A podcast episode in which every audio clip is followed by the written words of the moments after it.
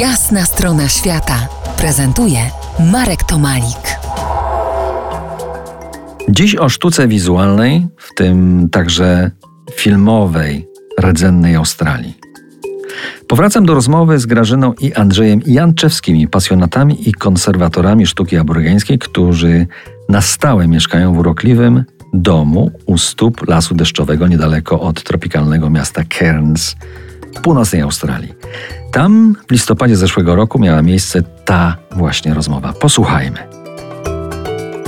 Wiem też, że organizowaliście w Polsce wystawy. Jak w Polsce zostały przyjęte wystawy obrazów, które dzięki Waszym staraniom zostały sprowadzone? No, byliśmy w ogóle zaskoczeni odbiorem w Polsce, bo pierwsza wystawa w ogóle była w Poznaniu, malutka.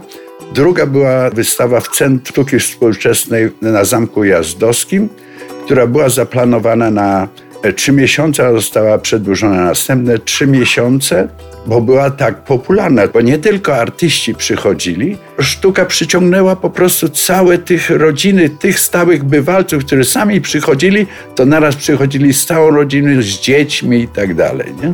Czy chcecie powtórzyć?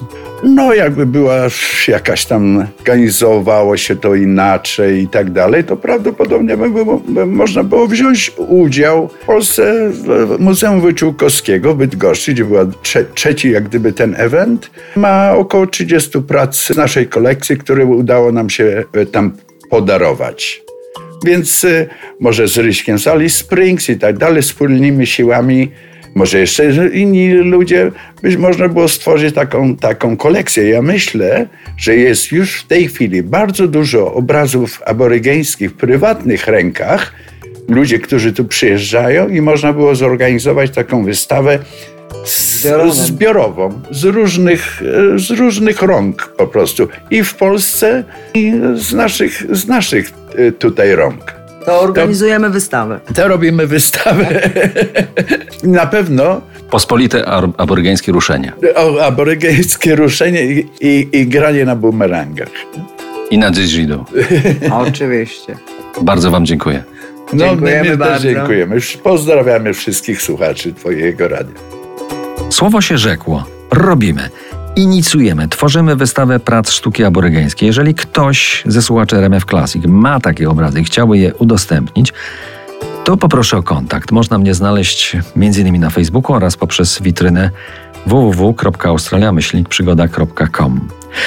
Czas pokaże, czy uda nam się zebrać kilkadziesiąt prac artystów aborygeńskich. Jeśli to się zmaterializuje, ruszymy z tym w Polskę. Za uwagę dziękuję Marek Tomalik. Do usłyszenia za tydzień o stałej porze po jasnej stronie świata. To była jasna strona świata w RMF Classic.